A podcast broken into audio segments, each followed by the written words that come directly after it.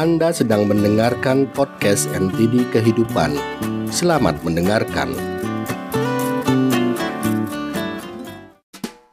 Simpul konflik dalam hubungan.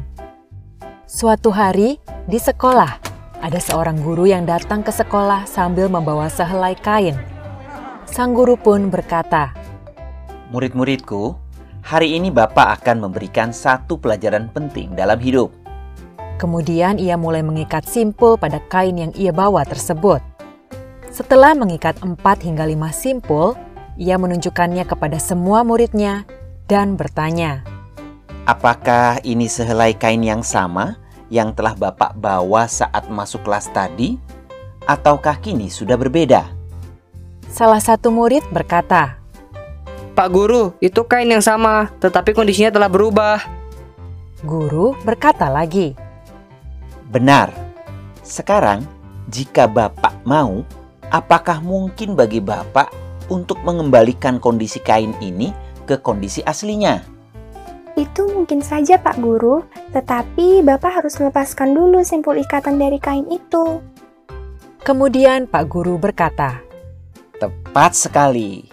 Nah, sekarang jika Bapak menarik kedua ujung simpul di kain ini, apakah simpul akan terbuka? Tidak Pak Guru, jika salah satu sisi simpul itu ditarik, ikatannya malah akan semakin erat.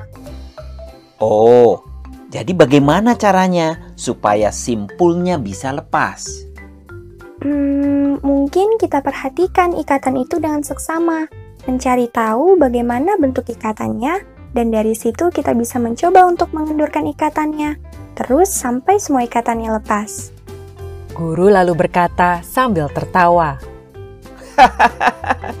Bagus, kalian memang pintar.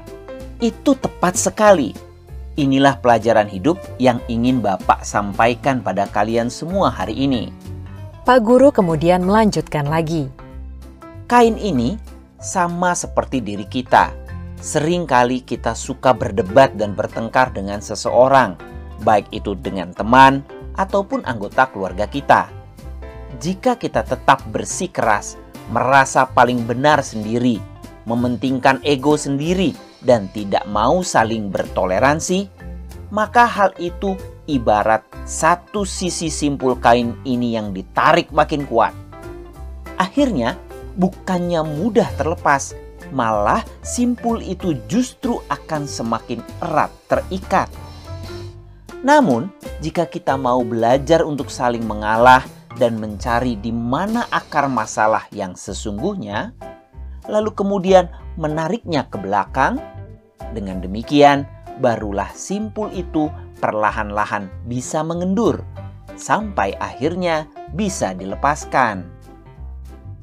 Perselisihan dan konflik bisa mudah terurai hanya jika kita bersedia untuk saling mengalah, melepas ego pribadi, dan kemudian mencari akar masalah tersebut dan mengambil langkah untuk memperbaikinya.